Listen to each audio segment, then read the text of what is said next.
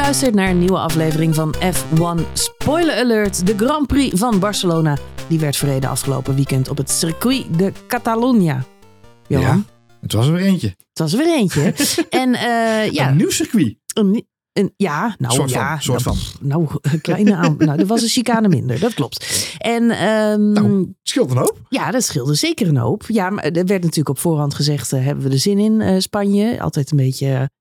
eh, Heb je dat gezegd vooraf? Ja? Wisselen. Ja, het is het circuit waar de auto's het meest getest en gereden hebben. Jij zei vorige podcast al, nou, er ligt een bak data op de blank. eh, Daar word je akelig van.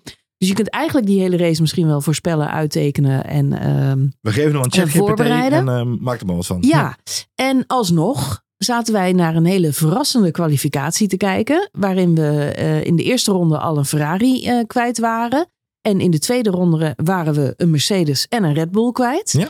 Eh, dus in alle opzichten eh, za- zat ik toch wel een beetje met mijn ogen te knipperen. En dacht ik, nou, dan heb je die bak data. Maar eh, het levert toch ja, een hoop verrassingen wel op. Uiteindelijk de race. Ja, ja, wat geven we de race?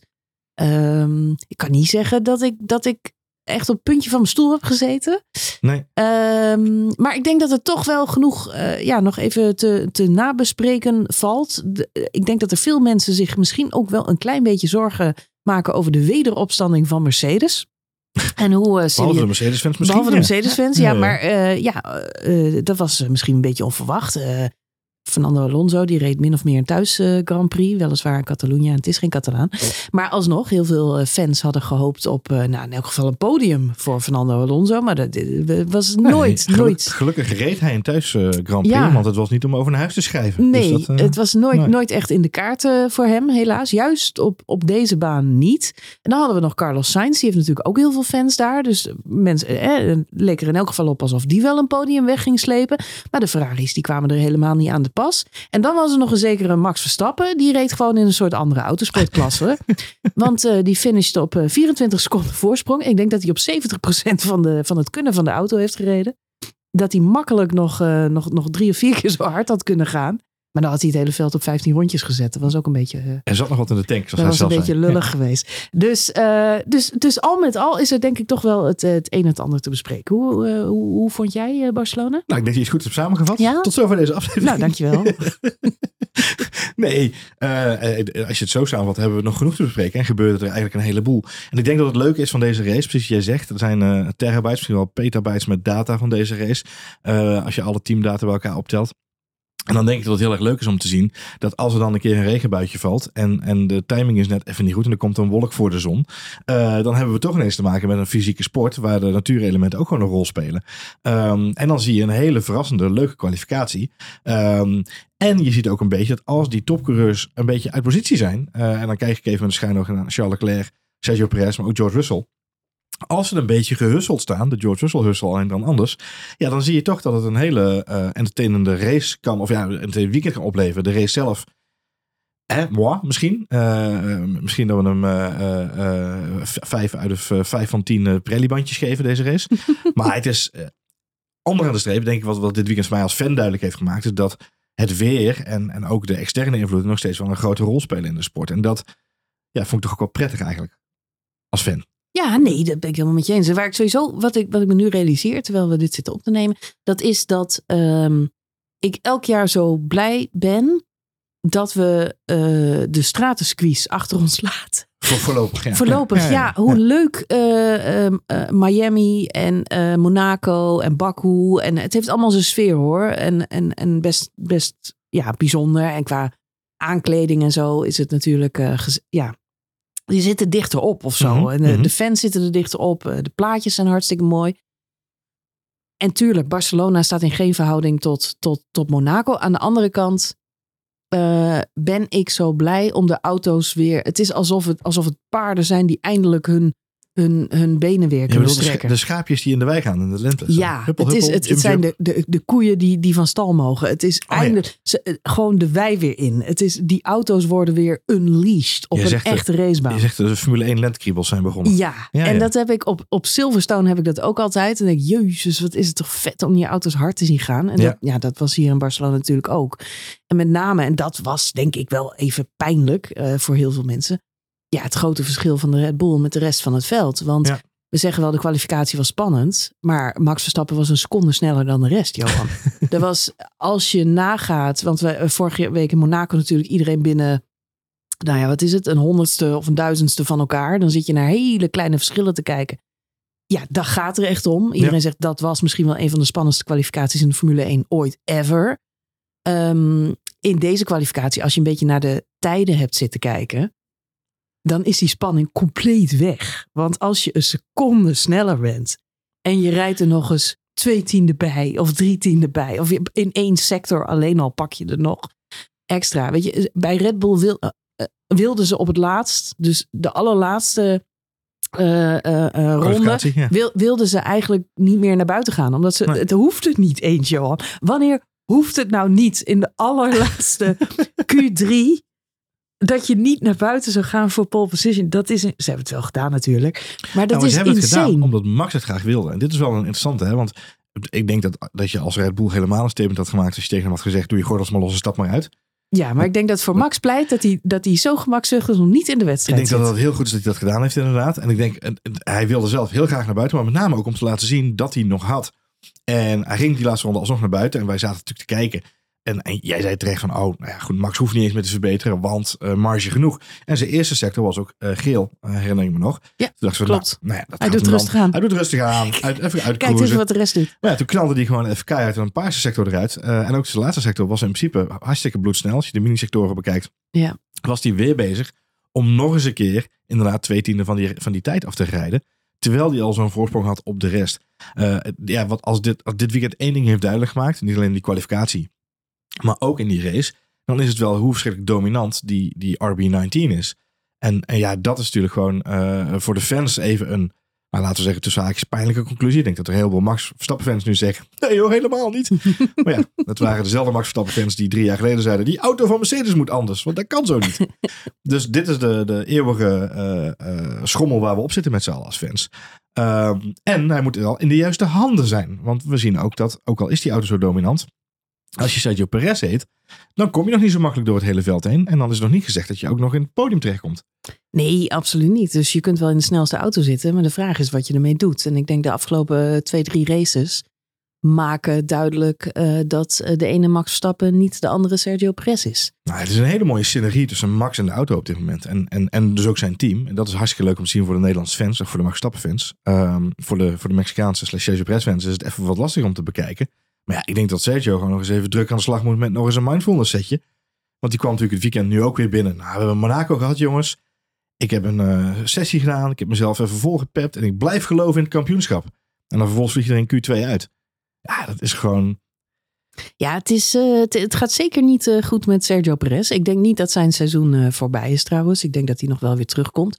Hij zit in een dipje. Het doet mij heel erg denken aan ehm, Daniel Ricciardo en uh, zijn laatste seizoen bij Red Bull. Maar laten we niet hopen dat het zo'n dipje is, want daar is hij nog steeds mee bezig. Nou ja, dan komen er ook nog motorpech en dat soort incidentjes. Dat was natuurlijk dramatisch. Die, uh, die RB14 was dat geloof ik. Ja, waren 13 die, zelfs die 13 ja. waren ze net vanaf, dat was dramatisch. Oh ja, dat was wel, ja. En volgens mij in die 14 had hij toen, maar goed.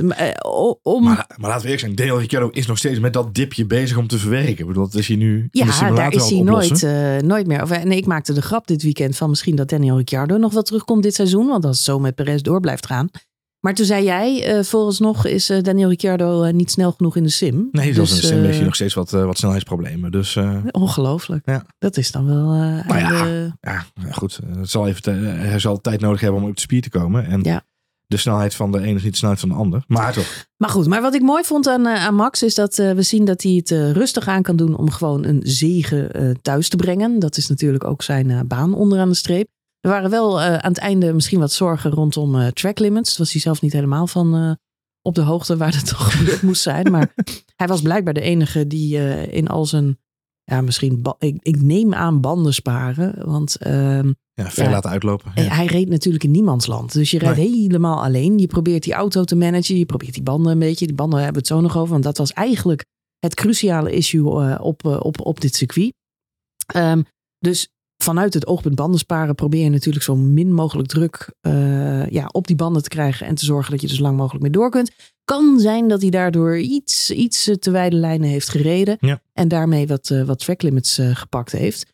Maar het grappige is, hij, hij, hij kan het heel rustig aan doen. Maar ik vind het toch mooi hoe dan eh, af en toe dat, eh, dat jonge gassie weer boven komt drijven. En dan met name als hij aan het einde voor die snelle ronde gaat.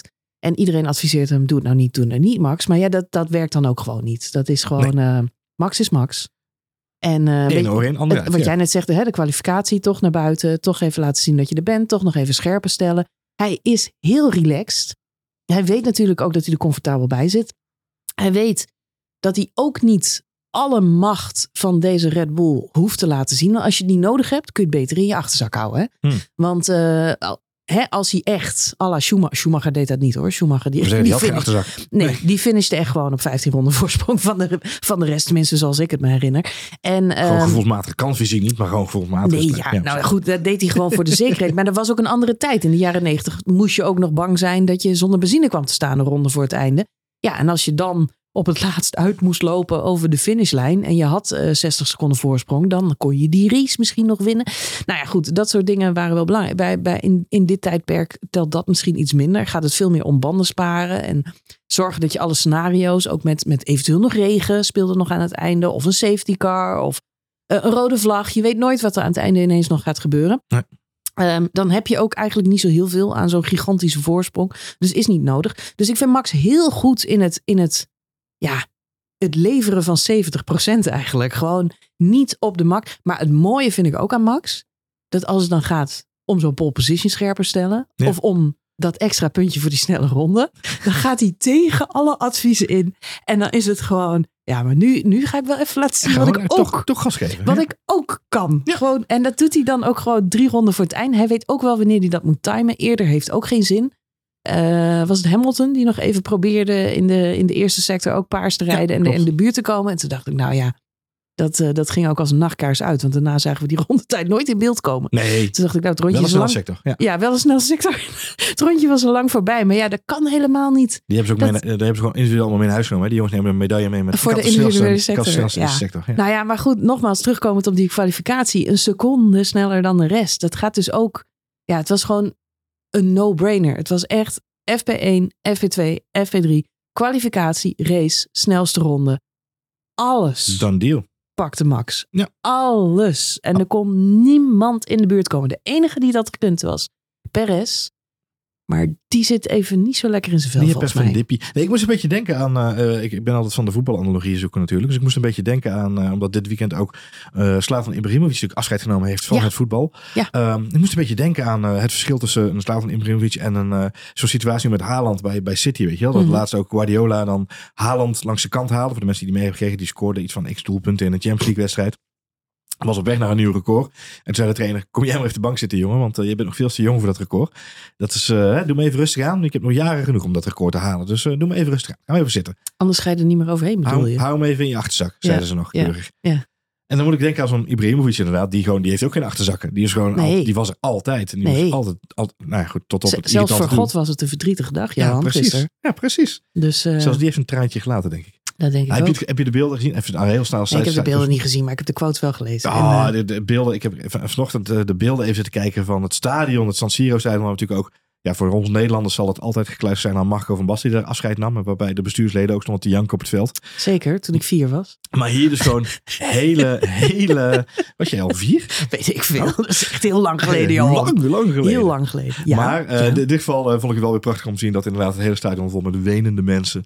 eh, omdat Ibrahimovic afscheid nam. Ik denk, hij heeft dit seizoen geen wedstrijd gespeeld. Ja, 140 hij heeft wel gespeeld. Hij heeft een penalty hij gescoord. heeft één penalty gescoord. En verloren, Ja, die 140 minuten gevoetbald in totaal. Ja. Dus ja, dat, ja, ja. nou, dat is ongeveer hetzelfde mooie als met... Nee, dat is niet waar. Dat is niet waar. Dit is geen voetbalpodcast. Maar ik vond Hij het heeft wel een mooi hoop, hij heeft een hoop eh, landstitels gewonnen, zag ik, maar nooit de Champions League. Nee, dat is hem nooit gegund helaas. Oh. Oh. ook een mooi record. En toch is het vroeg om te stoppen als je bij de 41, ik bedoel Fernando Alonso is net zo oud. Ja. Die zit eigenlijk in de, de gouden jaren van zijn carrière, zou je ja, kunnen nou, zeggen. hij zit ook letterlijk en vuurlijk. En ik denk dat het grote verschil is Ja. inderdaad. Ja. Andere fysieke eh, Ik verwacht dat we Ibrahimovic nog wel een keer terug gaan zien. In de Formule 1? Ja, nou in de Formule 1 of in een andere sport. Dat zal me niks verbazen, Johan. Nee, geen idee, geen idee. Maar ik vind wel, als je het dan hebt over eh, eh, eh, performance, eh, je wil laten zien dat je er bent. Je kunt op twee manieren laten zien dat je er bent. Door te Mhm. zeggen, ik stap uit de auto, ik zwaai naar iedereen en kijk eens hoe sterk ik ben. Of door te zeggen, ik ga nog een keer naar buiten, ik ga mezelf nog een keer pushen. Ik pak die snelste ronde of ik zet nog eens een keer twee tienden boven op die pole lap. Gewoon om te laten zien dat ik echt, echt, echt Ja, het is ben. wel, wat je, de vergelijking met Haaland is wel een goede. Het is echt een, een jong, een jong ding die gewoon wil laten zien wat hij kan, Max. Ja, nou ja, goed. eh, Ja, ja. En, eh, en, en, en rightfully so. Hè. Hij is nu Ja. eh, op de lijst van de meeste, eh, meeste ronden geleid. Is die eh, Nigel Mansell voorbij. Ja. Eh, is die nu eh, op weg naar eh, Prost en Senna. Eh, Ja. Ik geloof dat Max nu op 2140, eh 2143 eh, eh, Ja, maar ik vind, dit, ik vind dit wel altijd vertekende statistieken, omdat we natuurlijk Ja, al veel races. langere Formule 1 seizoen. Vroeger had je Ah. tien races of zo Eens. in een jaar. Dus eh, dit Maar is het mooie van eh, deze grafiek, van deze statistiek, is wel dat hij laat zien hoeveel rondes je aan de leiding hebt gelegen. Ja. En als je dan, hè, dan moet je inderdaad Senna Prost moet je even daar laten, want dat zijn natuurlijk andere, andere generaties. Maar kijken we even naar Hamilton, die daar bovenaan staat in dat lijstje, wat logisch is in het moderne Formule 1 eh, eh, tijdperk. Hamilton is de nummer 1 in dit lijstje met 5447 rondes geleid. mhm. En Max staat nu op 2143. Ja, en op 40 overwinningen. En uit mijn hoofd zeg ik even, eh Lewis was natuurlijk de 100 voorbij. Ja, 104 volgens mij. Ja, mijn Ja, maar die is daar wel blijven steken, want hij heeft al twee seizoenen geen overwinning. Dus ehm, Hij is hard op weg. hij is hard op weg om in elk geval op de helft van een zekere Lewis Hamilton te komen dit Nou ja, seizoen. En, dat dat, toch dat zou toch al een hele Dat prestatie is wel een hele zijn. stap, hè? Ja, ja. Ja, jongen, Misschien wel leuk om dan eventjes nog even die, om die dominantie dan wel een beetje wat meer kracht bij te zetten. En dan moeten we denk ik snel verder, want het is Ja, niet alleen maar de, de, de Red Bull dominantie podcast. Nee, zeker Maar niet. even, ik zat, ik zat vanochtend naar de ranglijst te kijken en toen realiseerde ik me, eh, ehm, Max heeft nu 170 punten in het kampioenschap. Dat mag, mogen duidelijk zijn. Eh, Mercedes als team heeft er 152. Eh, Aston Martin als team 134 en Ferrari eh, als team 100. Dus ook in het individuele kampioenschap is Max beter dan de teams. Ja, Max heeft Checo helemaal niet nodig om de constructeurs te winnen Op dit, dit moment, nou ja, dat is een soort van, want, ik kom Ja. nog een stapje dichterbij. Eh, in totaal heeft Red Bull als team nu 287 punten. Mhm, Eh, op de tweede plek staat Mercedes met 152 punten. mhm. Op de derde plek, dit, dit weekend natuurlijk voorbijgeschoten eh door Mercedes, Aston Martin op 134 punten. Mhm. Tel je nou 152 met 134 op, Ja. dan hebben Mercedes en Aston Martin samen 286 punten. Dus ook als die samen zouden werken, als Aston Martin en Mercedes, dat is grappig, want ze zijn ook zo als team samenwerkend, zouden ze nog steeds onder Red Bull staan op dit moment. Met vier coureurs. Ja, dit, is, dit begint wel... eh, Het wordt een beetje eng. Ja, Het wordt een beetje eng. Maar Johan, laten we niet op de zaken vooruitlopen. Want we zijn nog niet eens halverwege het seizoen. en maar deze podcast heet Spoiler Alert. We moeten toch een beetje... Nee, ja, Oh. maar we zijn nog niet eens halverwege het seizoen. Wat wel heel lekker is, vind ik, eh, voor eh, Max Verstappen in dit geval, is dat ehm, hij afstand heeft kunnen nemen. En dat geeft hem niet alleen zelfvertrouwen. Het neemt heel veel stress en zorgen weg, waardoor hij eh, natuurlijk veel relaxter kan aan een weekend kan beginnen, maar Ja. ook zijn races kan rijden. En dat zagen we eigenlijk dit weekend. Ik heb Max Hulde zo ontspannen gezien als hier in Barcelona. Het, was, het voelde voor hem als een thuiswedstrijd. Eh, ik denk dat hij eh, uit Monaco over is komen vliegen. Even een Grand Prix'tje gereden. Vandaag zit hij weer in de sim. En, eh, en dat, dat, voelt, vanavond. nee, maar dat voelt meer als werk, zeg maar, dan, dan die hele race. die, die race, dat, deed, dat was gewoon een weekend uitstapje, zeg maar. Ja, ja, dat, was, maar- dat was gewoon karten, kijk- steengrillen en weer... eh, Hij heeft, eh, hij heeft natuurlijk een redelijke voorsprong. Bedrijfsuitje. Eh, drie- 53 punten voorsprong. Dat betekent eh, twee overwinningen en een snelste ronde voor, voor Checo Perez in dit geval. Dus dan moet, Ja. En dan nog heeft Max een punt voorsprong. Ja. Ehm, dus dat is een behoorlijk gat. Volgens mij maak ik de reeks om in de, in de laatste aflevering ook al.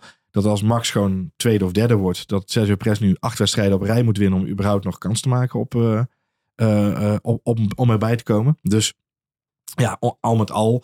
De voortekenen zijn goed. Laten we hopen dat. Want we hebben dit weekend gezien. En daar beginnen we de podcast ook mee. De sport staat bol van de externe factoren. Die wel degelijk een rol spelen. Namelijk het weer en het asfalt en de, en de banden. Nou goed. Ja, Dus we zijn er nog niet. Nee, we zijn er zeker nog niet. En, maar het feit is wel dat hij dit seizoen voor, vooralsnog maar één concurrent heeft. En dat is zijn eigen teamgenoot. Ja. En die heeft zichzelf wel echt op een enorme achterstand gezet. Eh, Monaco was dramatisch. Maar wat hij hier in de kwalificatie eigenlijk nalaat. ehm, ja, dat, is, ja, dat is gewoon niet best natuurlijk. Nee.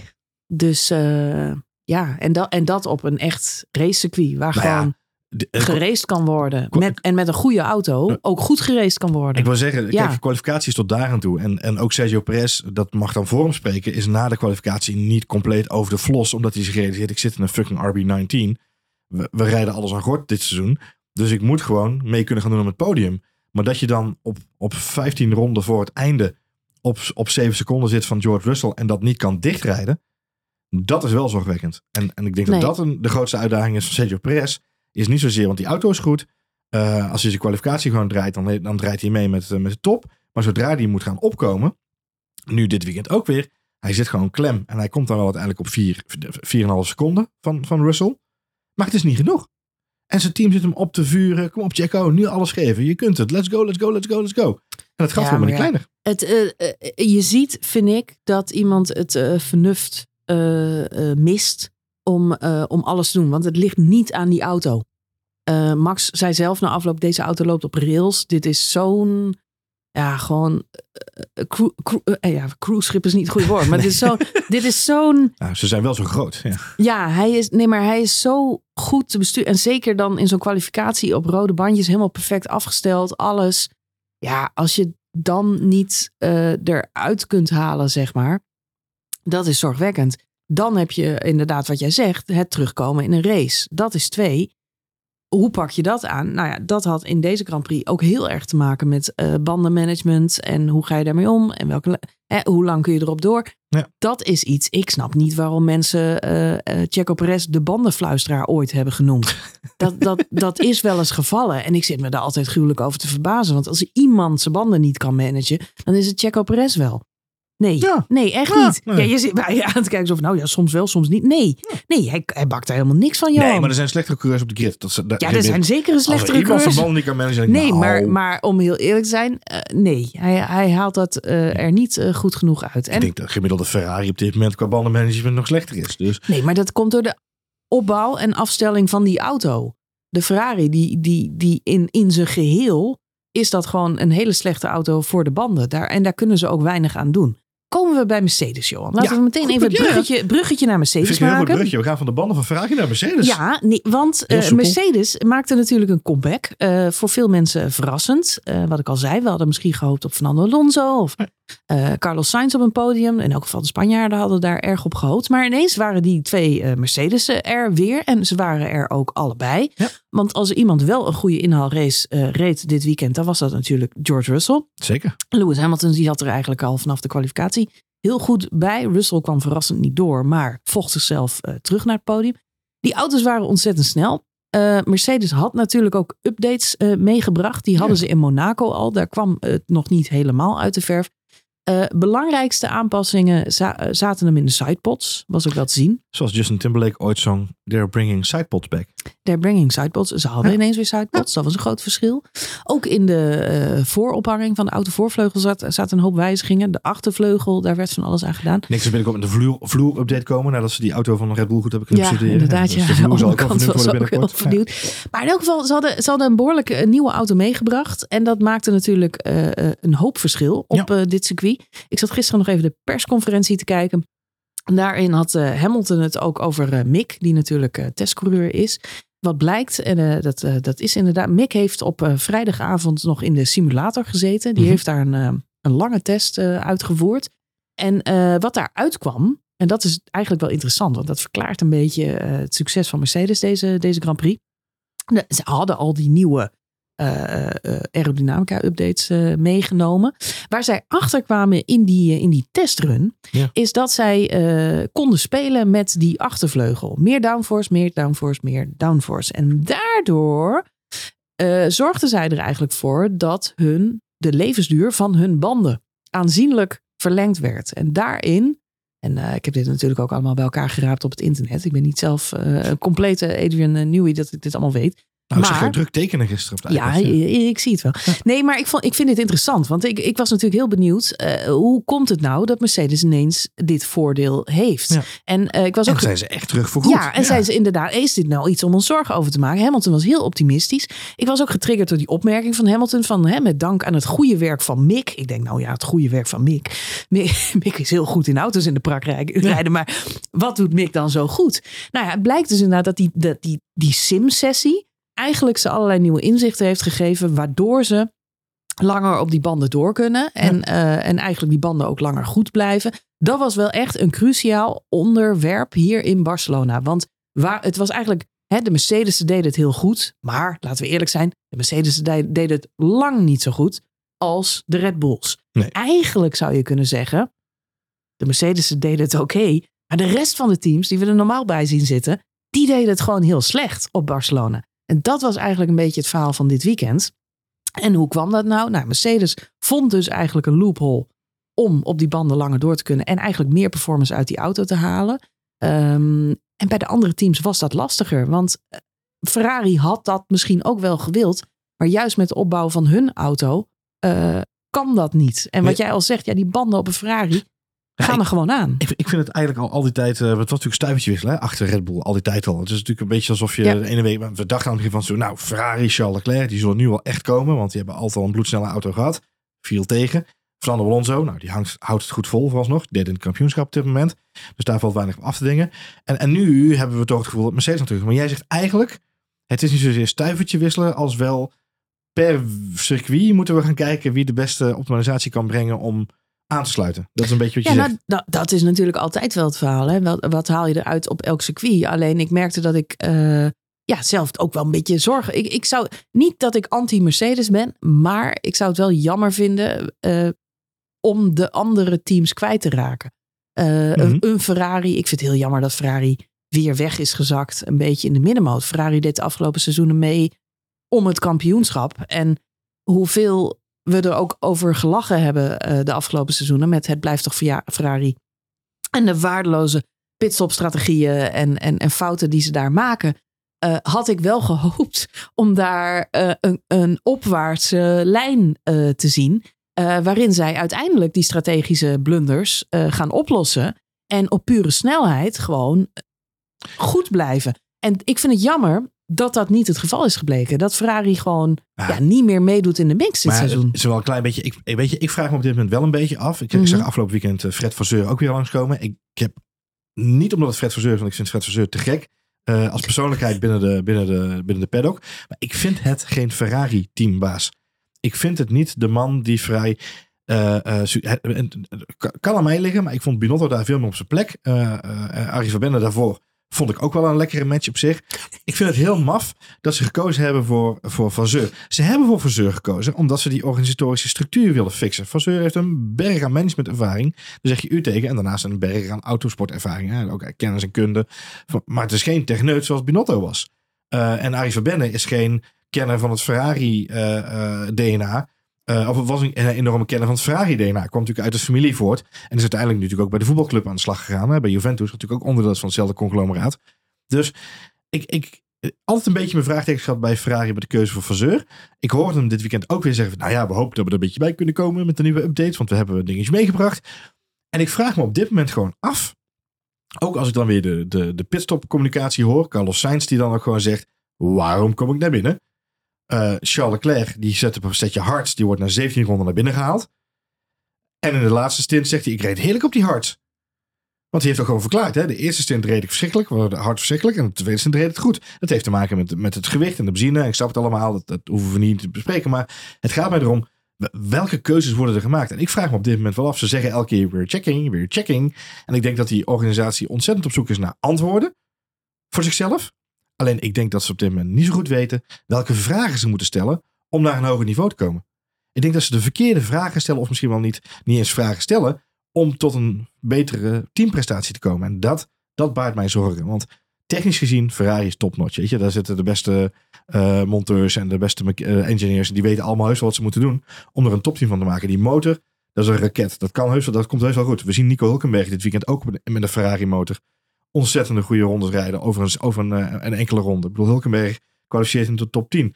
Dus weet je, dat zijn allemaal dingen waarvan ik denk, er zit genoeg uh, uh, in het team, om het zo maar even te zeggen. Maar ja, je moet wel de juiste vraag stellen voor jezelf om vooruit te komen. En dat, dat zie ik bij Vragen terug. En dat baart mij de meeste zorgen eigenlijk.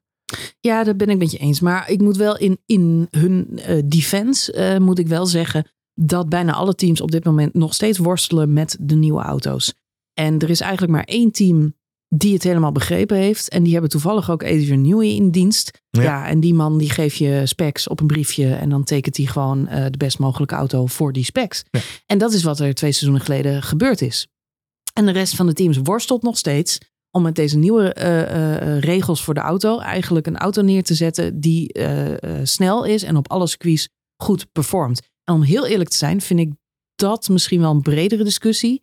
En misschien komt die ook nog wel op gang dit seizoen. Want waar zaten we in Monaco naar te kijken? Een auto-optocht, Johan. Ik had, ja, die auto's worden maar groter. Ze worden maar groter, ze worden maar zwaarder.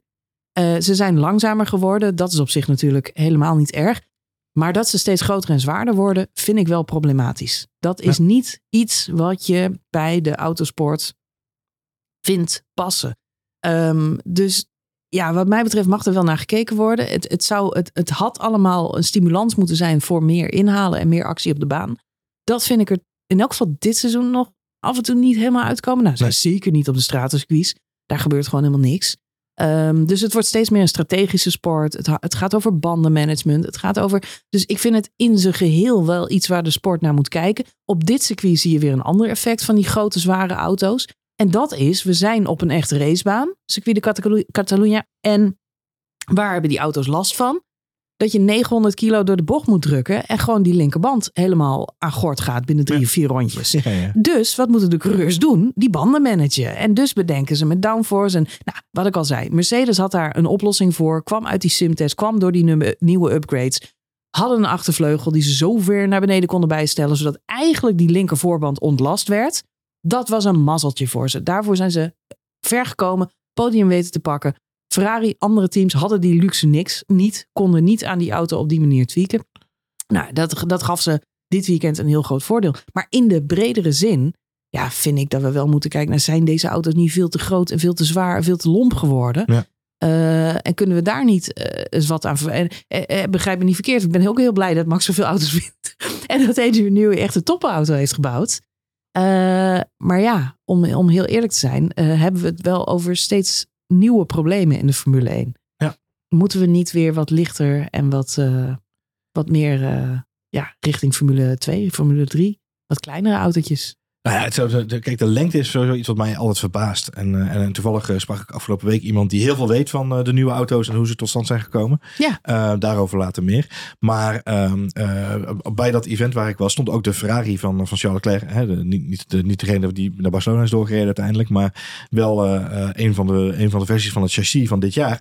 Ze zijn ja, groot, hè? Ze zijn ontzettend lang. Ze zijn, voor de mensen die er geen beeld bij hebben, ze zijn zo lang als een, een, een SUV in, in, op straat. Dus een Volvo XC60 is ongeveer net zo lang. Dat de lengte. En de breedte is ongeveer ook gelijkwaardig. Dus dat zijn vrij forse auto's om, uh, zeker door een straatcircuit als Monaco te jakkeren. Maar zelfs al op een circuit als, uh, als, als, als weekend zie je gewoon dat ja, twee breed, dat gaat. Drie breed wordt al spannend. Zeker als de eerste bocht eraan komt en het grasveld nadert. Ja, dan wordt het spannend.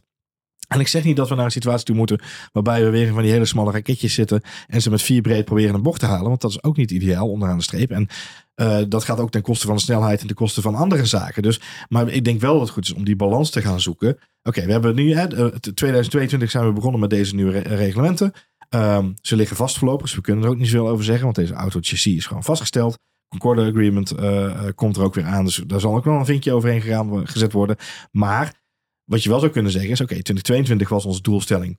Hoe zorgen we ervoor dat we meer wheel-to-wheel action krijgen? Hoe zorgen we ervoor dat die auto's dichter bij elkaar blijven? Want dat is de doelstelling van deze huidige generatie auto's geweest. Mm -hmm. Dus de auto is vanaf de vloer opnieuw ontworpen. Ross Brown is daar natuurlijk bij betrokken.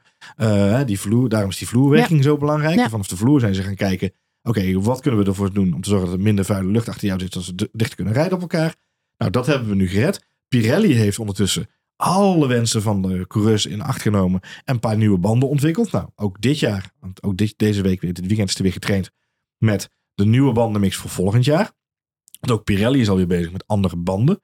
We hebben het, in aanloop van deze week ging het er ook over. Vroeger was Barcelona een, een één of een twee stop. Als je een beetje mazzel had, was het een één stop. Ja. Dit weekend zagen we mensen drie keer stoppen. Drie keer stoppen. En Lennon Norris zelfs vier keer. En daarna ging je nog een keer zijn haren kammen. En toen moest hij nog een keer. um, maar uh, dus Um, Pirelli is natuurlijk ook aan het klooien met zijn, met zijn banden. En hoe kunnen we dat nou zo optimaal bij elkaar brengen? En ik denk dat we. Het is niet een, alleen een kwestie van die auto's kleiner maken, dan zijn we er. Het gaat ook om hoe manage je die banden. En waarom is er geen concurrerend bandenmerk om te zorgen dat we uh, daar meer innovatie in zien? Want op dit ja. moment, ja, Pirelli maakt die banden. Maar ja, om nou te zeggen van worden er heel erg warm of koud van. Uh, zonder bandenwarmers. Mwah, weet je, dus dat. Er zijn een heleboel dingen die je in oogschouw zou moeten nemen. Zou je echt willen gaan kijken naar het verder verbeteren. Maar ik denk dat het dan heel belangrijk is dat je als Formule 1 zijnde zegt: Oké, okay, nu hebben we het dichter bij elkaar gebracht. Soort van. Hè, zolang Max dan mag, tellen we Max even niet mee. Die rijdt 24 seconden voorop. Maar we hebben in principe daarachter hebben we het nu voor elkaar dat we, dat we close action racing hebben. Wat is dan de volgende stap? En ik hoorde dit weekend ook iemand zeggen, misschien moeten we de DRS wel gewoon afschaffen of, of limiteren aan een aantal keer dat je mag gebruiken. Of een aantal minuten of seconden, weet ik veel hoe je het wil, wil inzetten. Misschien moeten we daar eens iets mee gaan klooien. Maar ja, je zult ergens moeten gaan zoeken hoe je het in ieder geval spannender krijgt. En je zult moeten gaan nadenken. Als je weet dat de auto's de komende vijf tot tien jaar nog zo breed zijn en zo lang, ja, moeten we dan wel uh, op hele smalle straatcircuits gaan proberen die auto's erin te duwen. Ja, het valt mij wel op dat uh, Formule 1 is natuurlijk een sport van de innovatie. En dat is hartstikke goed. Het is een, een playground waar, waar van alles ontwikkeld wordt. En ook natuurlijk voor de reguliere automotive industrie uh, als een soort kweektuin van, van nieuwe dingen. Maar ook sporttechnisch wordt er van alles geëxperimenteerd en uitgeprobeerd. De kraamkamer van de innovatie. Ja, de kraamkamer van de innovatie. ja, um, maar uh, wat mij wel opvalt is dat we het altijd heel snel hebben over weer nieuwe dingen introduceren. Terwijl ik wel eens denk, ja, heel ouderwets. Maar kunnen we soms niet gewoon wat dingen terugdraaien? En ik, ik ben persoonlijk ook geen voorstander van het afschaffen van die, van die, van die bandenwarmers. Puur vanwege het feit dat ik denk dat je echt onveilige situaties uh, krijgt omdat mensen met, met koude banden gaan rijden. Daar zagen we de laatste effecten nog van bij, bij een herstart. Uh, na een rode vlag situatie. Iedereen op koude bandjes. Iedereen uh, langs de baan of uh, bovenop elkaar. Ja, je, moet, je, moet, je moet zoeken denk ik naar de balans van wat hebben we vroeger, wat vonden we vroeger interessant. Wat, was, wat, wat bracht spanning in de sport. Hè? Wat kleiner maken van de auto's, nu, andere dingen. Ja. En als je zegt, waar zit dan de grens? Dan moet je gewoon een gemiddelde IndyCar race aanzetten. En dan kijken hoe ze daar een pitstop doen. Ja, ja god je, Dan gaan we te ver terug. Dat is te ver. Wat een amateurs. nee, maar dat gevoel krijg ik er af en toe wel bij. Dat het af en toe een beetje de, de, de gladiolen in het oude Rome zijn. Zo van, dit is saai. Laten we er nog een paar leeuwen bij gooien. En, uh, en, en, en, en, en, en nog een kar. En uh, misschien ook een vuurspuwer. Ja. En een katapult. En uh, ja, er wordt elke keer Leuk. iets bijgezet, Johan. Om het maar, hè, we are not entertained. Zo, Bernie met zijn rekenmachine. Ja, ja de, het moet ook af en toe niet gekker worden. Ik denk wel eens, het is ook een sport, jongens. Laten we teruggaan naar de basics. En uh, ook vooral niet vergeten dat we altijd bezig zijn geweest met autosport veiliger maken. En de banden. Kijk, de reden dat uh, tankstops zijn afgeschaft, dat is verstandig. Want eigenlijk is het idioot om te tanken tijdens een Formule 1 race. Omdat het gevaar. De beelden van Jos Verstappen zijn de wereld overgegaan. Hij was niet de enige. Ik heb meer afgerukte uh, slangen, uh, brandstofslangen gezien. En gevaar. Ja, ja, ja, het is gewoon een, gevaarlijk, ja, een gevaar in de pitstraat. Dus het is goed dat dat is afgeschaft. Bespaart een hoop ellende. Echter, bandenwarmers afschaffen. Um, ja, dat veroorzaakt wat mij betreft meer onveiligheid. Mhm. En dat vind ik wel iets de afgelopen jaren. Het gaat er maar steeds om, oh, we moeten het spannender maken en dit. En reversed grid. Ik vind het allemaal uh, uh, artificial. Het is allemaal gecreëerd om, om spanning terug te brengen. En ik denk steeds, je moet niet verder die kant op gaan. Je moet af en toe terugkijken naar wat werkte er wel goed. En hoe kunnen we dat gewoon in stand houden of weer gaan doen? Er zijn heel veel dingen. Die sport is toch spannend genoeg, Johan? We zitten al, al drie jaar naar rete spannende Formule 1 races te kijken. Het enige wat je nu zou kunnen bediscussiëren is: oké, okay, Red Bull is met deze specs aan de slag gegaan. Die hebben echt, echt, echt een briljante auto gebouwd. De rest krijgt het niet voor elkaar. Nou, die hebben nog enige tijd om dat nu goed te maken en in te halen. Dat ja. is natuurlijk ook de uitdaging van de sport. Moet je maar beter uh, uh, een betere auto bouwen. Mhm. Mm -hmm. Als ze het qua management en al die dingen allemaal niet op orde krijgt, wat jij terecht zegt, zo'n Fred Vazeur. Ik vind dat ze Binotto nooit uh, hadden moeten laten gaan. vind ik een verkeerde keuze, want je was net die richting ingeslagen. Die man was technisch op de hoogte, die was bezig het team te reformen. Het enige waar hij het echt, echt op verloren heeft, is het feit dat hij geen goede tactici in zijn team heeft zitten. Strategisch was het gewoon een zootje, maar op pure snelheid en cultuur heeft die man heel veel verbeterd daar. Is gewoon zonde, want ze zijn nu een stap terug in de tijd. Het is net Ajax. Iedereen eruit. Ja, en nu weet je gewoon dat je niet zomaar weer terug bent aan de top. En moet je je zorgen gaan maken of je nog wel uh, uh, Champions League gaat spelen de komende vijf jaar. Want straks, uh, die inkomsten vallen weg. Dus voor je het weet raakt de hele club in verval. Ik maak me daar geen zorgen over, Marjolein. Ik nee, weet niet waarom je die nee, parallel trekt. nou. Want er, nee, daar maak ik me totaal geen zorgen over. Zo gaat dat, Johan. Nee, maar Ferrari moet zich daar zorgen over maken. Want alle management eruit is gewoon opnieuw beginnen. Ja. En dat is waar zij nu staan. Zij zijn gewoon twee, drie jaar terug in de tijd. En dat heb je niet zomaar weer goed gemaakt. Voor McLaren geldt eigenlijk een beetje hetzelfde. Die zitten echt op een slecht spoor. Het enige wat die teams nu kunnen doen is de juiste mensen aannemen. Zo snel mogelijk beginnen met de bouw van de auto's voor volgend jaar. Maar zoals Hamilton gisteren in de persconferentie al zei. Red Bull ligt zo ver voor op ons. Die kunnen lachend en zingend dit seizoen afmaken. En uh, de derde wereldtitel van Max pakken. En de constructeurs opnieuw pakken. En ze kunnen eigenlijk deze maand, en dat zijn ze waarschijnlijk al, beginnen met de auto voor 2024. En dat betekent dat ze vorig jaar, volgend jaar weer een gigantische voorsprong hebben op de rest. Ja, dat, dat, en dat vind ik niet oneerlijk. Hè? Dat, dat, dat, dat is dan nou eenmaal zo. Maar de vraag is wel, ja, hoe gaat de, de rest uh, bijtrekken? En hoe gaat Formule 1 om met, uh, met daarnaar kijken? Wat kunnen zij doen om de druk bij die teams ja, misschien minder uh, te maken? Het Mhm. zij met minder races, het zij inderdaad wat je zegt met een andere bandenleverancier. Wat kunnen zij doen om ervoor te zorgen dat die teams meer tijd hebben om ook weer terug te komen aan de top? Nou, hier zit voor mij de uitdaging. En dat is ook wel een lastige om over na te denken. Uh, en, en nogmaals, ik, ik maakte het grapje aan het begin van de uitzending. Maar ik meen het oprecht. Hè. Ik denk dat de situatie zoals die is met Red Bull nu is heel erg vergelijkbaar met de situatie zoals Mercedes uh, natuurlijk vanaf 2014. De boel, uh, 2013 de boel domineerde. Dus um, en, en toen was natuurlijk het politieke spel om gewoon zoveel mogelijk te roepen dat de regels moesten veranderen. Want het kon natuurlijk niet zo zijn dat er één team zo dominant was. Dit weekend horen we Max uh, ook gewoon zeggen in de pers. Nee, hoe langer we de regels hetzelfde houden, hoe meer kans er is dat de teams erbij komen. Hè? Want dan hebben ze tijd om zich, om zich te verbeteren dat en erbij te komen. Ja, dus, dat, dus je ziet dat dat hele spel weer van vooraf aan op de wagen is. Hè? Ze beginnen weer van vooraf aan met hetzelfde discussie. En ik denk, ik heb ook in de tijd dat Mercedes zo dominant was, uh, altijd gedacht dat het inderdaad niet handig is om de regels maar te veranderen. Omwille van de regels veranderen. Ik denk dat je, uh, wat Max zegt, en dat was bij Mercedes al hetzelfde, hoe meer tijd je hebt om erbij te komen, hoe beter. En dan zeker in deze situatie waarbij het gaat over uh, de motor ligt aan grenzen. Want dat is natuurlijk al, de, er is al een beperking opgelegd vanuit Formule 1. De motor is vastgezet. Nou, die ligt aan grenzen. Dan zit het hem dus nu in die aerodynamica. Want daar moeten we mee aan de slag. Ik denk dat dat wel een stap is die, die goed is. Um, en je, ik denk niet dat je de sport ook beter maakt door nu te zeggen... na twee seizoenen Max Verstappen uh, wereldkampioen te zijn geworden... op een, op een dominante manier. Hè? Even ervan uitgaan dat hij dit jaar uh, het kampioenschap over de streep trekt. Dat je dan moet gaan zeggen, nou gaan we de regels aanpassen. Nou hebben we twee keer achter elkaar dezelfde kampioen gehad. Dat is niet leuk. Weet je, zo... Dat is nee, ook... nee, ik zeg ook niet dat je de regels van aan moet passen. Maar ik, ik, ik, ik, ik baal er wel een beetje van dat er heel de tijd gepraat wordt. Heeft natuurlijk ook met uh, uh, ja, gewoon het moderniseren van de sport te maken. Heel veel dingen zijn goed. Dus uh, duurzaamheid, belangrijk onderwerp. Echter, um, ja, jaren 80, 90, 0 stonden echt in het teken van veiligheid. Veiligheid, eh, het moest veiliger in de sport. Dat merk ik, raakt nu een beetje naar de achtergrond. Het gaat nu veel over duurzaamheid, wat ik echt heel erg goed vind. Echter, vanuit dat oogpunt, er zijn costcaps ingesteld. Er zijn, het bandenwarmers mogen niet meer. Er mag minder, uh, banden mogen er worden verbruikt. Er, wordt, er wordt enorm bezuinigd, waardoor sportief heel veel teams op een achterstand komen te staan.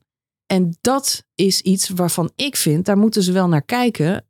Nog steeds met duurzaamheid als uitgangspunt. Maar wat kunnen ze er wel aan doen om Um, om ervoor te zorgen ja, dat teams ja. meer tijd. En nou, een voorbeeld is zoveel races. Als je zoveel races rijdt, heb je dan nog wel tijd om een goede auto te ontwikkelen, Johan? Ja, echt duurzaam is het trouwens ook niet. Nee, de, de, de, de vluchtkalender alleen al laat al zien hoe onduurzaam het kan zijn. Maar laten we wel zijn. Ik bedoel, we hebben de cost cap nu twee seizoenen in, uh, in full effect. We hebben vorig jaar meegemaakt dat Red Bull op de vingers getikt werd vanwege het feit dat ze er overheen zijn gegaan. Uh, daarbij werd ook pijnlijk duidelijk uh, of niet pijnlijk duidelijk, maar werd ook gelijk duidelijk hoe dan die regels precies worden bekrachtigd. Hè? In dit geval mensen die zo lager eindigen in, het, uh, in de sport, krijgen technisch bezien meer CPU-uren. Ze mogen langer gebruik maken van, van de, de cloud-technologie die ze hebben om allerlei dingen te optimaliseren als het gaat om het gebied van algoritmes en analyse en andere, andere shit. Daar krijgen ze meer tijd in. Ze krijgen meer windtunneltijd. Ze mogen meer, ze hebben een, een, een, een extra bonusbudget bovenop hun toch al cost cap. Dus ik denk dat vanuit de sport, en ik vind het heel Amerikaans, hè, want in Amerika de, de, de Amerikaanse basketbal, honkbal en de, en de voetbalcompetities, uh, hoe eerder je uitschakeld wordt in het kampioenschap, uh, dan krijg je dus uh, primaire keuze bij het aanmelden van nieuwe talenten. Dus al die nieuwe talenten die van die high schools af, colleges afkomen. Ja, first, uh, de first, pick, first, first pick, in draft. Ja, ja. ja, ja. Dus dan krijg je als eerste de keuze om zo'n talent te kiezen. Nou, zit je dan als Michael Jordan, heb je mooi de pech dat je zomaar ineens uh, ergens in Urk terecht komt uh, om te, om te honkballen. Of om te basketballen, sorry. Uh, nee, maar ik bedoel meer zeggen van, nee, dus, de, dus de, de Liberty en, en F1 hebben al, hebben al gekozen om dat model een beetje gaan toepassen in de sport. Om te zorgen dat ze de, de mensen die minder goed gepresteerd hebben, wel de kans krijgen om zichzelf te verbeteren. Dus er zit daar op dat vlak zit al heel veel. Ik vind ook dat je niet, het klinkt een beetje bijna alsof je zegt, de overheid moet het fixen, zeg ik altijd maar. Want er zijn een heleboel dingen die nu de race niet spannend maken. Die gewoon bij de teams zelf liggen. Een verkeerde keuze, in, een verkeerde keuze in concept. Een verkeerde keuze in, in- je waar. resources uitgeven. Kijk, bij Red Bull geven ze alles uit hun croissantjes. Nou ja, dat kan. Eh, maar ze hebben Adrian Newey en die kan dus eentje zo'n auto tekenen. Bij McLaren hebben ze geen croissantjes, maar hebben ze vijf mensen nodig om zo'n auto te tekenen. Ja, zo zit die balans natuurlijk altijd. Daar moet je het gaan zoeken. En ik denk, dat vind ik de verantwoordelijkheid van de teams. En als je nu zegt, we gaan nu alweer dingen aanpassen. Weet je, laat het eerst maar eens even op zijn beloop. Want we zijn goed en wel nu vorig seizoen 2022 begonnen met de nieuwe reglementen. Dit is het tweede jaar. En ik denk dat je minimaal drie jaar vooruit moet kijken om te kijken wat is nou het effect geweest in de ontwikkeling van de sport, van die auto's en van de teams. En pas dan zou je echt pas een conclusie kunnen trekken van oké, wat voor impact heeft het nou gehad wat we gedaan hebben. Want over een periode van één of twee jaar kun je eigenlijk geen conclusies trekken. Dat, dat is wat mij betreft in ieder geval zoals ik het nu zie. Maar je kunt wel vast gaan nadenken over vijf tot tien jaar. De conclusie is, we willen meer in straten gaan racen. Want we hebben nu Las Vegas erbij. We hebben Saudi-Arabië erbij. We willen Monaco als eh, juweel van de Formule 1 kalender graag behouden. Kan ik me allemaal voorstellen. Eh, ze willen Londen graag erbij gaan trekken. Ze zouden dolgraag in Madrid een straatrace gaan doen. Maar Milaan is al eens genoemd als straatrace. Nou ja, kijk naar de Formule E. Daar zijn de straatraces hartstikke leuk. En dat kan ook allemaal dikke prima. Maar dan moet je wel een ander soort auto gaan bouwen. Nou, ja, als dat dus de, de visie is voor de komende tien jaar. Dat je daarmee gaan, dan moet je die auto's gaan verkleinen. Dan moet je dat chassis gaan aanpassen. Nou, dat is dan wat mij betreft het project voor de lange termijn. Misschien kunnen ze eh, gewoon eh, de eh, Formule 1 organiseren en de, en de, familie, de Formule S, de, de Formule stratencircuit. En dan kan Checo kampioen worden op de stratencircuits of zo. Leuk. De, Maar ik vind de het wel- Cup. Ja, Ja. ik ben er zelf. Ik vind stratencircuits heel leuk als aanvulling op de kalender. Maar ik vind het. ehm, eh, ja, en wat ik net al zei, ik hou toch wel echt ervan om die auto's de benen te zien strekken op een echte racebaan, Johan. Daar, dat is wel waar het om gaat. Nou ja, ik vind, ik vind eh, de verademing van Barcelona dit weekend. Hè, daar begon je ook al mee. Ik, Ik- ik, vind, ja. ik heb ooit de column geschreven. eh, het feit dat dit natuurlijk de meest datagedreven race is van het jaar. En dat de teams die de meeste data hebben waar ze mee kunnen werken. En dat het daarom eigenlijk niet zo erg leuk is om naar te kijken. Maar de verademing van deze week van naar, naar een circuit kijken en zien hoe, hoe hè, 330 eh, op bocht 1 af. Eh, Nou ja, met name een Silverstone. Als je, als, je, als je niet veel Formule 1 kijkt, dan kan ik je aan, kijk naar Silverstone. En de manier waarop je auto's daar door een, een, een, een, een bocht ziet gaan, of, of een spa Ja. dan. Maar eh, dat soort type circuits. Ja, of Canada, want natuurlijk nu 18 juni eh eraan Ah. Canada is zeker ook een, eh, een, een, mo- een mooie om naar uit te kijken. Wat in elk geval vaststaat, Johan, is dat we denk ik nog niet ehm, eh, conclusies mogen trekken naar aanleiding van deze race op Barcelona. Het zou te vroeg zijn om te zeggen Mercedes is weer terug. Nee, want dan zou. McLaren ook terug zijn. Dat zou heel grappig zijn. Ja. Nou, McLaren terug. Lando Norris wel echt een draak van een wedstrijd. Maar goed, Ja, we gaan naar Canada. Daar kan het altijd heel erg koud zijn. Dus je weet het niet. Je weet het niet. Het kan allemaal nog. In de eh, kou, in de kou en op de opdrogende baan had uh, Lennon Norris een eh, stiekem voordeel inderdaad. Ja. Dat is zeker waar. Dat is zeker waar. Goed. Dat, dat is wel duidelijk. Dat, dat- dus Ja. dat- dat- dat- wat Barcelona heeft duidelijk gemaakt Ja. is dat als de weersituaties een beetje gekke dingen doen, dan zien we wel dat er meer auto's een topprestatie kunnen leveren. Pierre Gasly dit weekend. Ja. Pierre, Pierre Gasly, dat lekker Nederlands. Gasly. Pierre Gasly. Gasly. Gasman. Gasly, zoals ze dat bij Viaplay zeggen. Gasly. Ehm, Daar maak je heel veel mensen heel boos mee. Ja, nou. Of niet. Hij is helemaal heel veel blij. Pierre Gasly. Die, eh, Ik weet dat er net als wij een aantal andere mensen zijn die zo gauw de Formule 1 TV aangaat en de Nederlandse stem in beeld komen. Oh. Er wordt er echt frantically gezocht naar de afstandsbediening onder kussens op de bank. Zet uit! Zet als ik hem uit. niet kan vinden, zet ik gelijk is al die Sonos gelijk op, op mute zo. Daarin zijn wij niet de enige, Maar- weet ik. maar- maar- goed. Uit betrouwbare bronnen. Pierre Gasly, die reed dit weekend Ja. gewoon hartstikke top kwalificatie. Ook als uh, hij reed gewoon eh, eh, keurig vierde. Wat hij alleen niet had moeten doen was eh, eh, eh, van die bananenschillen neerleggen in Mario Kart. En mensen proberen op te houden, want dat heeft hem uiteindelijk zes plekken gekost. Daardoor begon hij op P10.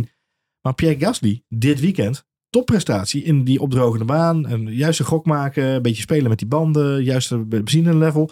Bij George Russell weten we nu intussen, daar hebben ze dus zo zitten klooien met die vleugel. Eh, uiteindelijk In de dat de auto te laag op de grond lag. Klopt, En daardoor had hij dus eh, uiteindelijk nadelig effect in plaats Ja, van klopt. voordelig effect. klopt. Daardoor ligt hij er in Q2 Ze uit. hadden, ze hadden mixlessen iets te enthousiast eh, Ja. opgepakt. Zoals we dan zouden zeggen, ze hadden mixed result. Mixed results. Ja? Nee, maar, inderdaad, het is goed. Nee, maar- ja, nee, dat dus- wa- was dus- inderdaad het verhaal. Ze hadden iets te ver waren ze doorgeslagen met de En afstelling. los van of nou Mercedes Ja. terug is, of Aston Martin volgende week weer, over twee weken weer ineens op het podium staat, of dat ineens Ferrari ernaast staat, of toch ineens Hulkenberg besluit om een keer wel goed te blijven rijden aan het begin van de race. Het maakt me niet zoveel uit. Wat ik vooral heel blij van word van zo'n circuitrace zoals dit weekend, eh, is dat op het moment dat de, de, de juiste factoren optreden, we er dus van allerlei dingen zien gebeuren met alle teams. En dat is wel een hele andere beleving dan die periode 2013 tot uh, 2021 ongeveer, 2020. Die periode waarin Mercedes er dominant was, maar niet alleen Mercedes dominant was, maar ook echt er gewoon een top 8 was van teams. Vier teams, hè, die bepaalden samen de top 8 van elke race zo'n beetje. Dat was het. Meer was er niet. En nu zien we wel echt ook in het achterveld dingen gebeuren. Piastri die ineens Q3 komt binnenkachelen. Hartstikke tof, weet je wel. Dat soort dingen. Nou, laat ik hopen, los van Mercedes terug, ik heb fingers crossed dat dit gewoon er waren, Er waren best wel wat kleine insights. Er waren ook wat tables turned, want uh, Sainz die had een veel beter weekend dan Charles Leclerc. Ja. Dat komt ook niet heel vaak voor. Het was natuurlijk wel eens thuisrace, maar dan nog viel wel op. En uh, bij Aston Martin waren de rollen ook ineens uh, omgedraaid. Want uh, Alonso die zat natuurlijk in de DRS van, van Stroll aan het einde van de race. Ja. Nog, ja, Tell Lance not to worry. Ja, precies. Ja. Maar goed, het maakt natuurlijk ook allemaal niks uit. Ik moet eigenlijk zo'n petje gaan inprogrammeren met al die borden. zijn zo ja, de, tell Lens not to worry, die houden we, houden we erin. Maar goed, het ging natuurlijk ook nergens om. Maar dus dat zei hij gewoon makkelijk alle perscoverage. Ja, mensen dachten dat hij zei vanwege de race. Maar hij zei het gewoon vanwege al die negatieve persaandacht die hij kreeg. Ik denk dat het verstandig is dat hij Stroll een keer voor hem heeft laten finishen. Dat weet ik wel zeker. Uh, ja. Want hij denkt aan de lange termijn. Hij denkt aan de lange termijn. Als Lawrence mij gewoon mijn sluis kan blijven betalen, zit ik hier prima. Ja. Zou het echt zo zijn dat hij daarom minder gereden heeft? Nee, toch? Nee, ik denk, maar hij ik had wel echt issues met zijn auto. Hij, hij, hij, had uh, natuurlijk zijn, uh, zijn, uh, zijn vloer was natuurlijk agort vanwege zijn ja. bezoekje aan de, aan de grindbak ja. tijdens de kwalificatie. Um, dus dat heeft hem wel echt heel veel minpunten opgeleverd in zijn downforce. Um, dus dat was sowieso een dingetje. Hij had echt wel minder prestaties. De auto stond ook een week afgesteld. En hij is wel volwassen genoeg, mag je ook wel hopen met zijn 41 42 jaar, om zich te realiseren dat hij niet op drie ronden voor het einde uh, Lance Stroll bij kan kachelen. Omdat hij nou eenmaal uh, van fucking Fernando Alonso is. Uh, wat mij betreft had hij het gemogen. Maar hij weet dan dat hij binnen het team gewoon dingen op spanning zet die niet nodig zijn. Ja, maar door te zeggen over de boordradio. Ja, laat hij wel maakt hij er wel weer een punt van. Ja, maar het is. Dus het is ook wel een beetje. Erling Haaland. Ja. ja, precies. Goed.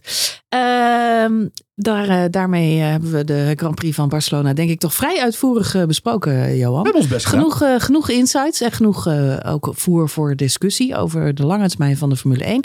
Maar lang verhaal kort kunnen we er eigenlijk nog niet zo heel veel van zeggen op basis van deze Grand Prix. Behalve dat Max Verstappen er echt heel warmpjes bij zit voor eventueel een derde wereldtitel en de rest gewoon aan de bak moet. Precies. Maar er liggen nog een hoop uh, races in het verschiet. Dat is je maar zou zeggen, fix your damn car. Fix your damn car. Dat is uh, de opdracht. En ze hebben even om dat te doen, want er zitten twee weken tussen. Dan gaan we inderdaad naar Canada. Dat is altijd een hele leuke, mooie race. Die is s'avonds trouwens, om acht uur s'avonds. Dus dat scheelt weer met mooi weer. Je kunt gewoon overdag lekker op pad of barbecue leuke dingen doen. En s'avonds om acht uur een uh, Grand Prix. Je kunt ook bij de barbecue gaan spelen. Kijk, als je dat is hartstikke gezellig. Moet je even een schermpje regelen voor in de tuin. Nou, leuk. Biermetje. Goed idee. Hartstikke leuk. En uh, daarna hebben we weer twee weken vrij. Heerlijk. Dus uh, rustig, rustige dan zitten we alweer naar de zomervakantie. Ja. ja, dan wordt het wel even druk, want dan hebben we Oostenrijk, uh, UK, uh, Silverstone. UK, Silverstone, Hongarije. En dan Hongarije en dan ja. België nog. Ja, België zit pas eind augustus tot. Nee, nee, België is, het, uh, is naar voren getrokken. En België nee. is voor de zomerstop. Daarna gaan nee. de coureurs op vakantie. En dan is? Zandvoort. Zandvoort de eerste, de eerste na, de zomerstop? na de zomerstop. Ja. Holy crap. Ja. Spa naar voren. Spa naar voren. Zou er minder regen zijn? Zou dat daarom zijn? Klimaatverandering. Zou kunnen. Shocking. Oké, okay, nou, dat wordt een drukke voorzomer dan. Een drukke voorzomer. Gelukkig hebben we laat vakantie dit jaar. Exact dat. Nou goed, uh, we kijken ernaar uit. Maar eerst dus Canada. Wil je reageren op deze podcast, op Barcelona of op alles waar we het net over gehad hebben? Heb je daar zelf mening over of gedachten? Uh, laat het ons dan weten. Dat kan via de Telegram app. F1 Spoiler Alert kun je ons zoeken. We hebben ook een Instagram, een Twitter kanaal. En we zitten zelf allebei natuurlijk op Twitter. Marjolein, Johan Voets. Ja.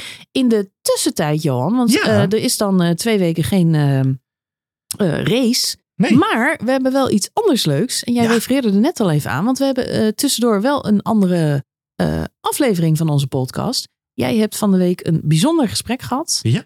Op de AWS Summit. Summit. In Amsterdam. Ja, klopt. Amazon Web Services. Natuurlijk ook een bekende sponsor van de Formule 1 inmiddels. Ja. Levert onder andere al die datavisualisaties die je op je scherm ziet. Hoe lang de banden het nog volhouden wanneer de predicted eh, pitstops dan precies zijn. Hoe dicht De op de muur? striking distance waarin Hamilton Max Verstappen gaat inhalen op het circuit van Barcelona. Dat was nooit. Dat was 2034, ja. Nee, ja.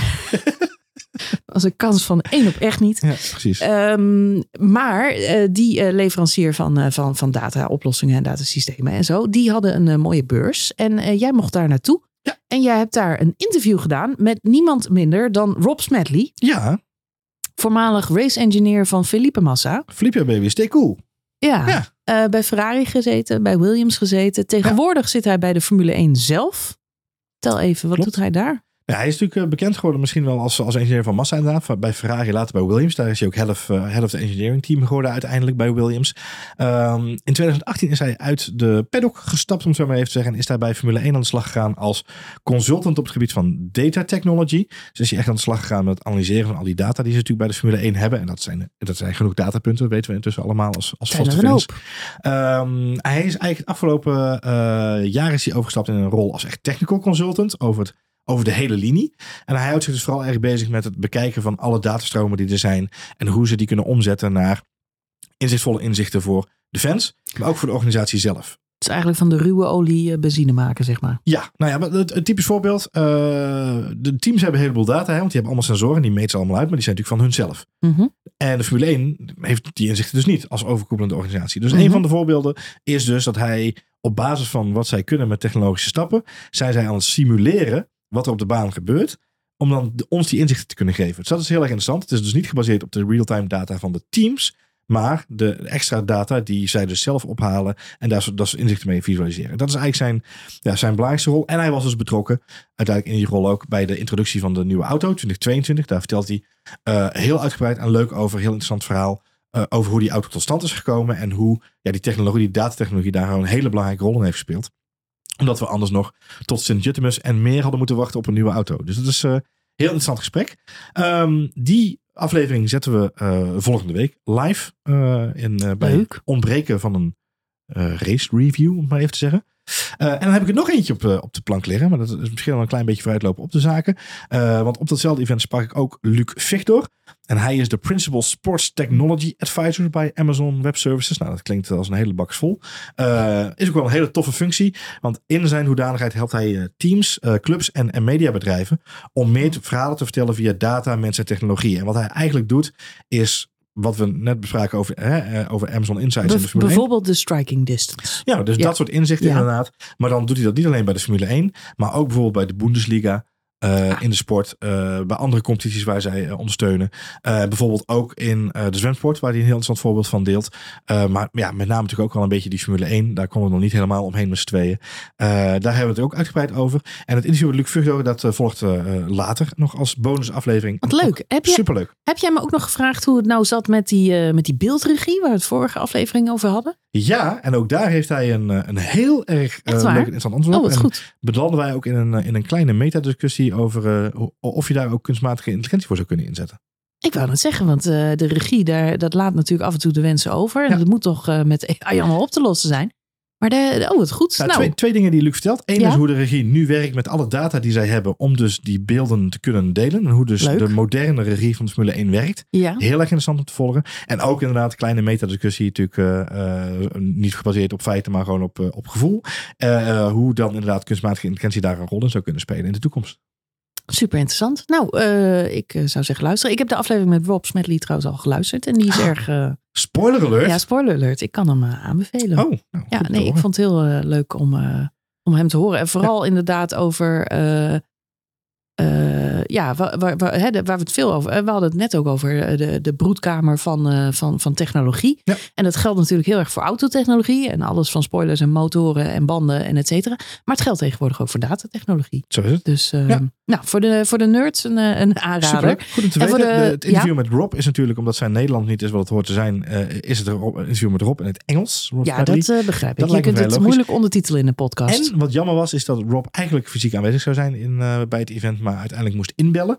Oh. Eh, dus dat, ja, dat, het is wel een, eh, een telefoon. een telefonisch in. telefonisch Nou, daar zijn we wel gewend hoor. Want Olaf Mol die deed vroeger ook gewoon commentaar via de telefoonlijn. Precies.